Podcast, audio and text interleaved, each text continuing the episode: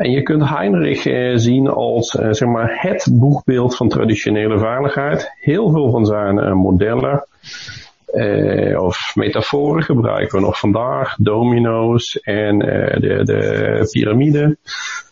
En ehm, men zet zich misschien niet zozeer af dan tegen Heinrich aan zich, maar ziet hem en zijn werk als het symbool voor het traditionele uh, dat is de bad guy, dat is onze vijand. Wij komen met iets nieuws.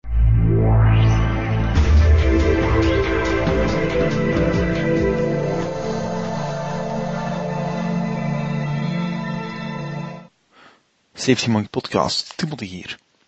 Vandaag gaan we verder over Heinrich, Local Rationale en de New View met Kersten Bush. Kersten gaat in deze aflevering nog dieper in op het fenomeen Heinrich. Hij legt vandaag verder uit wat Heinrich heeft gedaan en hoe betekend heeft voor ons, maar hij legt vooral ook een heleboel nuances. Voor zij die nu denken, wow, dat is wel helemaal iets anders dan dat mij altijd aangeleerd is geweest. Goed nieuws. Kersten zijn thesis uit Lund is gratis beschikbaar en heeft een bom aan informatie, zowel historisch gezien als praktisch gezien. Kersen is voor mij de belichaming van de New View, of, of wat voor mij de New View is. En, en voor mij betekent dat veiligheidskundige preventieadviseurs die grondig onderzoek voeren, alles in vraag stellen en niet meehuilen met de nieuwste rage. Kersen is iemand die op LinkedIn ook heel actief is. Mocht je nog niet geconnecteerd zijn met hem, zeker doen. Kersen heeft ondertussen twee boeken geschreven, de 1, 2, 3 veiligheidsfabels of de 101 uh, Safety Myths. Um, dat is het boek dat Jan Dille ook heeft aangeraden in podcast nummer 1. En Kersten heeft ook sinds een paar weken een nieuw boek uh, getiteld If You Can't Measure It, You Shouldn't. Um, het is nog niet duidelijk wanneer de Nederlandse versie er komt of ze er komt, maar de Engelse versie leest alvast als een trein. Hier is Kersten met het tweede deel van Heinrich, New View en Local Rationality. Wat ook wel opvalt is dat in, in begin jaren 2000 is, is plotseling de, de interesse in Heinrich en zijn werk terug groter. Hè. Je, je, zoekt in je, in je thesis ook het aantal uh, keren dat de term Heinrich wordt opgezocht uh, op. Ja. En, en je, je connecteert dat ook aan de New View-denkers, die dan, zoals ook er straks uh, aangaf, redelijk negatief over Heinrich gaan. Is Heinrich dan voor, voor hun een beetje de, de bad guy die elke superheld nodig heeft? Of heeft men gewoon veel te weinig onderzoek gedaan en gaat men, men wat kort door de bocht. Ja, eh, hier zijn meerdere factoren, denk ik. En, en wat je zegt, um, het was frappant te zien. Op een gegeven moment heb ik uh, een bibliografisch onderzoek gedaan, gewoon in zo'n academische database gekeken. Hoeveel, hoeveel hits krijg ik als ik een aantal trefwoorden intype. Bijvoorbeeld zijn boeken Industrial Accident Prevention of de naam Heinrich. Uh, wat je dan moet filteren natuurlijk, want er zijn andere Heinrichs. en, en je ziet gewoon uh, dat het, uh, dat het heel laag kabbelt tot zeg begin 2000. En dan ontstaat er een enorme piek. En die begint in 2002, 2002, 2003. En piekt dan verder door vanaf 2011. En ja, hij, hij hobbelt dan een beetje, maar hij blijft extreem hoog. Wat eigenlijk heel raar is. Want je zou denken van, uh, we hebben het over Zoe die 80 jaar geleden geschreven is. Waarom, uh, hoe kan het bestaan dat mensen nu nog steeds daarmee bezig zijn? En dat is een, hele interessante vraag natuurlijk. Eén uh, factor, denk ik, is geweest dat er, er zijn twee belangrijke veiligheidsauteurs, onafhankelijk van elkaar. In 2000 hebben die 2002 hebben die dingen uh, over uh, Heinrich geschreven. De ene is Andrew Hale. Fascinerend artikel uh, wat hij heeft geschreven over de, de driehoek. wat denk ik veel impact heeft gehad, met name in Europa. En nog grotere impact is het werk van, je noemde hem al, Fred Manuel. Die heeft in 2002 een boekje geschreven over het werk van Heinrich. Bijzonder kritisch boekje waarin hij uh, onder andere die 88% aanvalt en zegt, uh, en terecht aanvalt, denk ik. En hij zegt uh, dat is de, de meest dan moet ik even nadenken hoe die het zegt, maar hij zegt iets in de trant van, dat is de uitspraak die het meest schade aan veiligheid heeft toegebracht. Um, en ook de driehoek en domino's en andere dingen. En, en heel veel mensen hebben daarop gereageerd en dat heeft navolging. Ik denk dat dat verklaart de eerste piek. En dan krijg je een tweede piek in 2011. Uh, zeg maar de piek zet door, wordt versterkt. En dat is weer Fred Manuel, die een heel bekend paper heeft geschreven in het blad van de Amerikaanse Vereniging van Veiligheidsprofessionals. En dat artikel, wat eigenlijk een, een samenvatting van zijn, van zijn boek van tien jaar eerder is, heeft heel veel respons gekregen. En heeft ook eigenlijk al die discussies uh, daarna uh, in gang gezet van uh, ja, maar het was allemaal fout en slecht. En je zag toen de tijd ook een heleboel Heinrich bashing in allerlei professionele fora. Ja. de New View kwam eigenlijk vlak daarna. Dus, dus de New View heeft helemaal niet zoveel invloed gehad in eerste instantie in die, die, die pieken. Die kwamen zeg maar vanuit mensen binnen traditionele veiligheid die kritisch zijn gaan nadenken en reageren. Heinrich heel erg, sorry, heel, heel erg gereflecteerd. Um, Manuel um, op zich uh, vrij grondig, maar um, deels hakt hij een beetje op makkelijke dingen, zeg maar als uh, ja, maar die 1 tot 4 uh, indirecte, directe kostenverhouding, die is heel anders. Dat getal klopt niet. Ik denk van, dat doet er helemaal niet toe.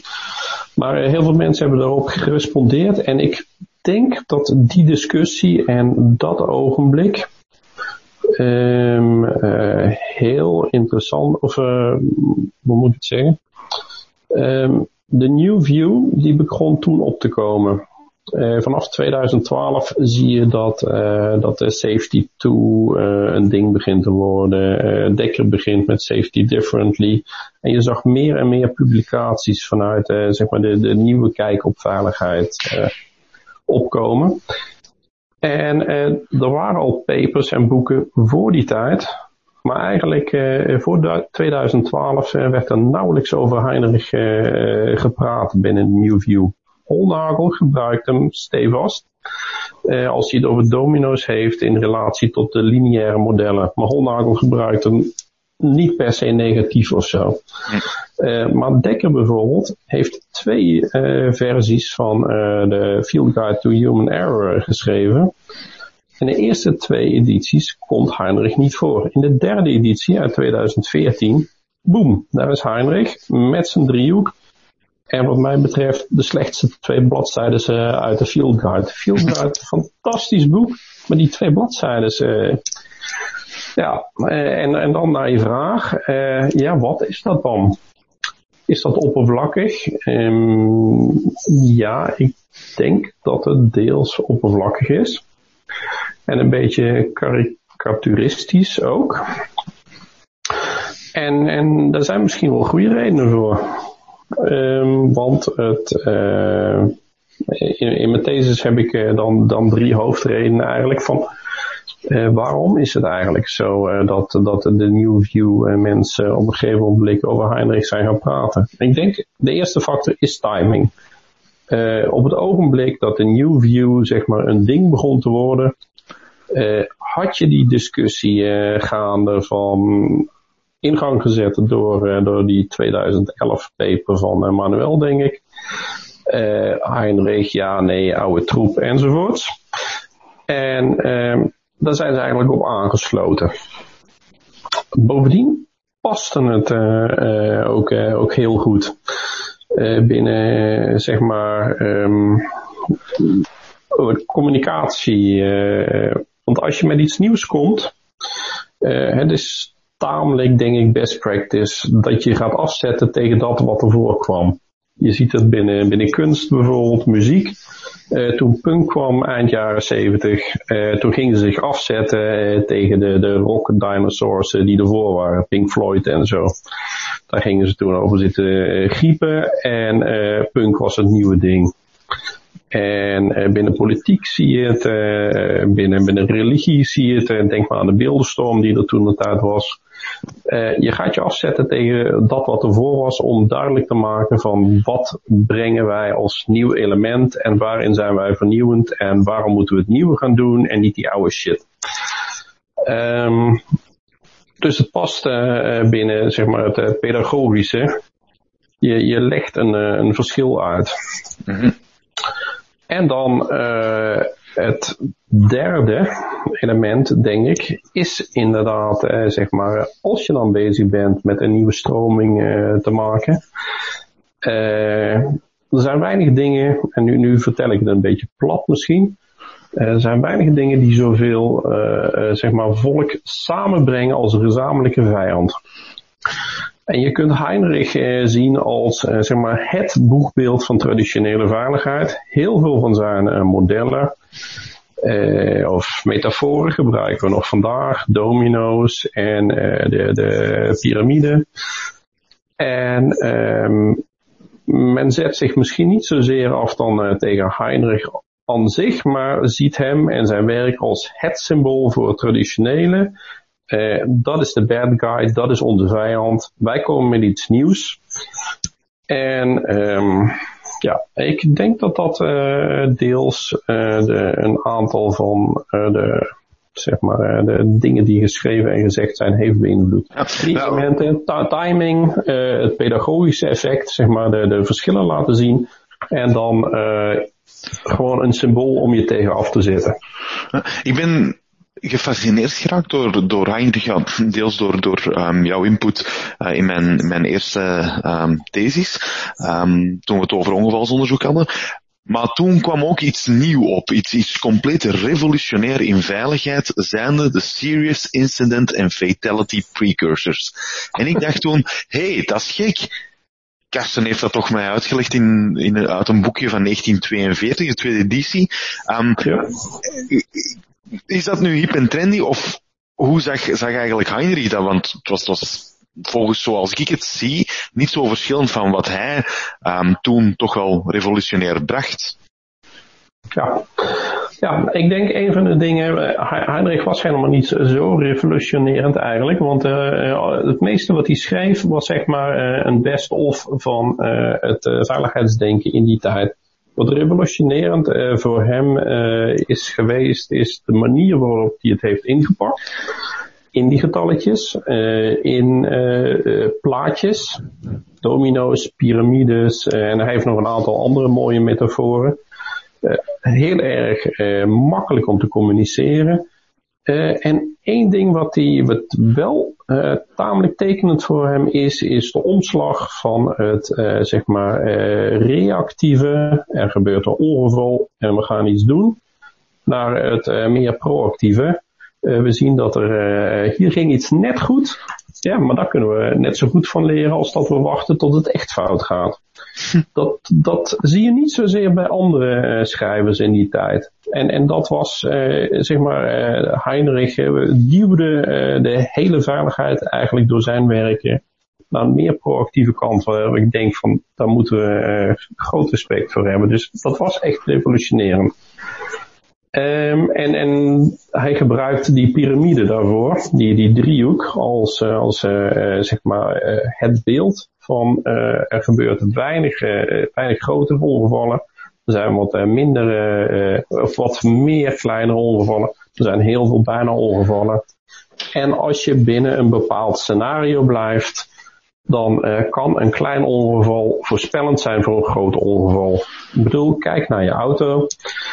Um, je rijdt niet heel vaak van de weg af, maar uh, als je banden slecht beginnen te worden, dat is zeg maar een precursor uh, voor dat je van de weg afgaat op een gegeven moment, of dat je een klapband krijgt en ja, wat dan gebeurt.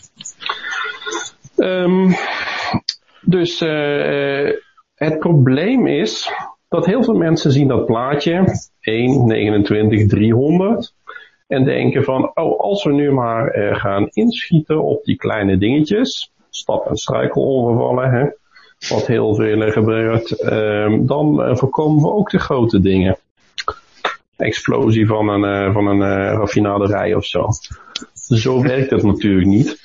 Want er zit totaal geen enkele logische samenhang tussen stap- en struikelongevallen en een explosie van een, van een raffinaderij.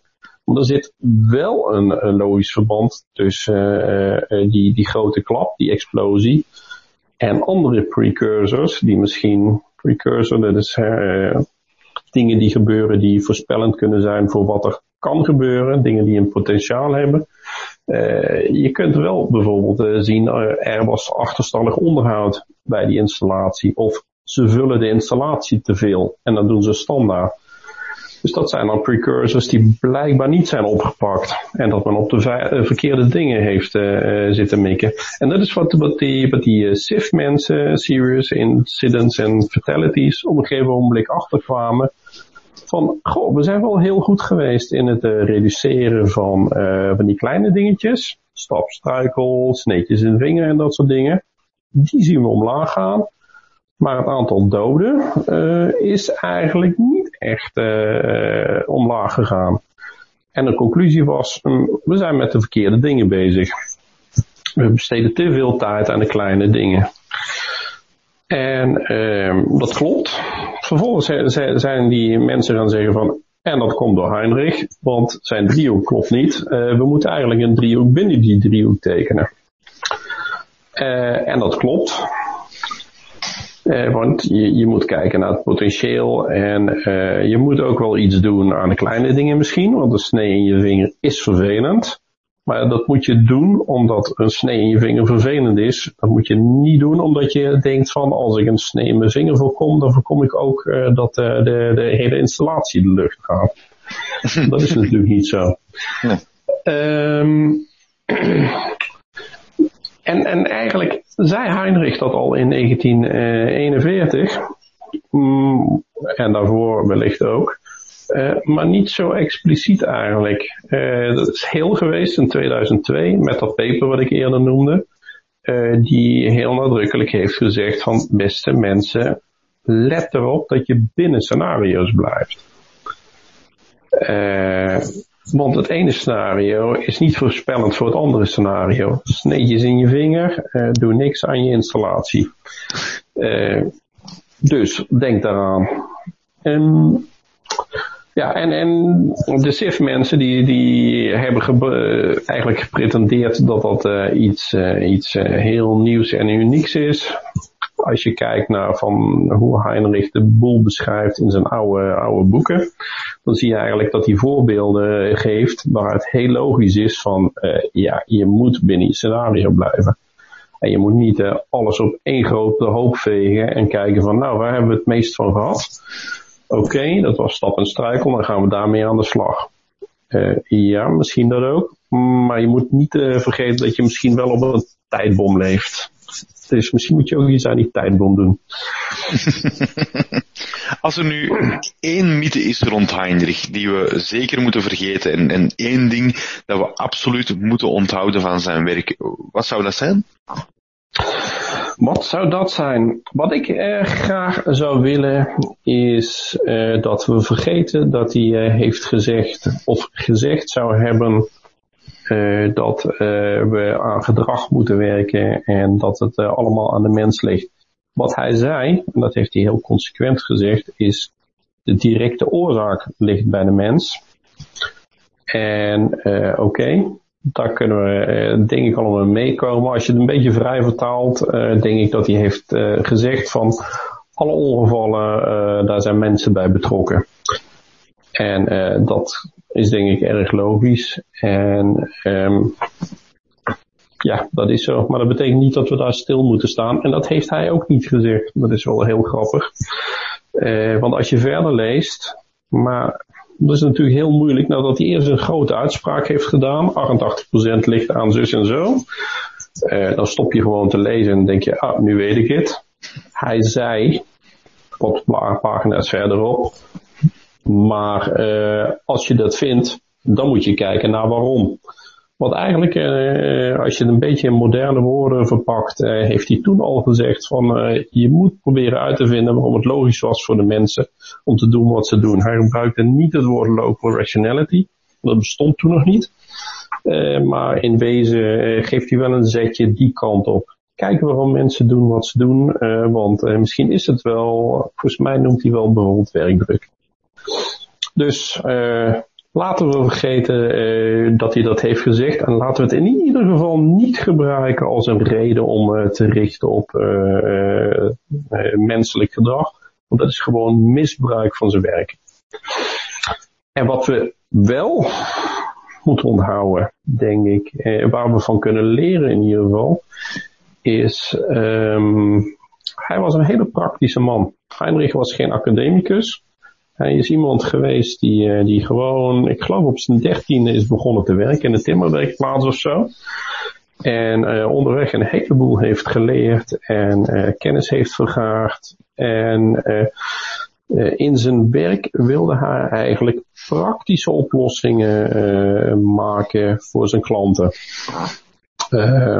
zeg maar managers en ook werknemers van bedrijven waar, waar die hij van diensten voorzag. En eh, dat, dat zie je in zijn werk gewoon. Eh, dat is ook misschien een uh, oorsprong van wat versimpelingen in zijn werk. Maar um, hij was er heel goed in om dingen op een makkelijke manier in te pakken, te structureren en zeg maar veiligheidswerk op een praktische manier te verkondigen. En alleen al het feit dat we nu na 90 jaar nog steeds over zijn metaforen praten en zijn, zijn ideeën, geeft aan hoe goed hij daarin was. En ik denk dat kunnen we van hem leren, dat wij moeten proberen om uh, de, de nieuwe inzichten die we nu hebben, want ik, ik, bijvoorbeeld ben heel erg bezig uh, met, met het studeren in oude, oude veiligheidsdocumenten. Maar zit aan de andere kant ook heel erg in, in zeg maar, het nieuwe veiligheidsdenken al de dingen die daar komen vanuit de wetenschap en nieuwe inzichten en andere uh, vakgebieden dan, dan veiligheid, uh, dat we die vertaalslag naar de praktijk moeten zien te maken. Want dat wij als academici of adviseurs, wij vinden het misschien leuk om met modelletjes en theorieën te spelen en daarover te discussiëren, een podcast te doen, en thesis te schrijven en zo. Maar uh, uiteindelijk moet het ook iets uh, betekenen voor, uh, voor de mensen buiten natuurlijk. Voor managers, voor werknemers. En hoe maken we die vertaalslag van bijvoorbeeld een, een vaarbegrip als local rationality naar wat betekent dat voor jou op, op een maandag? Je bent op in, in lunch stellen we vaak de vraag, oké, nu zijn we hier geweest een week. Wat betekent dat voor jou op maandag als je weer begint? Ga je daar iets mee doen? Misschien niet direct, maar eh, hoe kun je, hoe kun je die vertaalslag maken en wat, wat kun je daar vervolgens mee doen? En daar was Heinrich gewoon goed in, denk ik. Dat kunnen we van hem leren.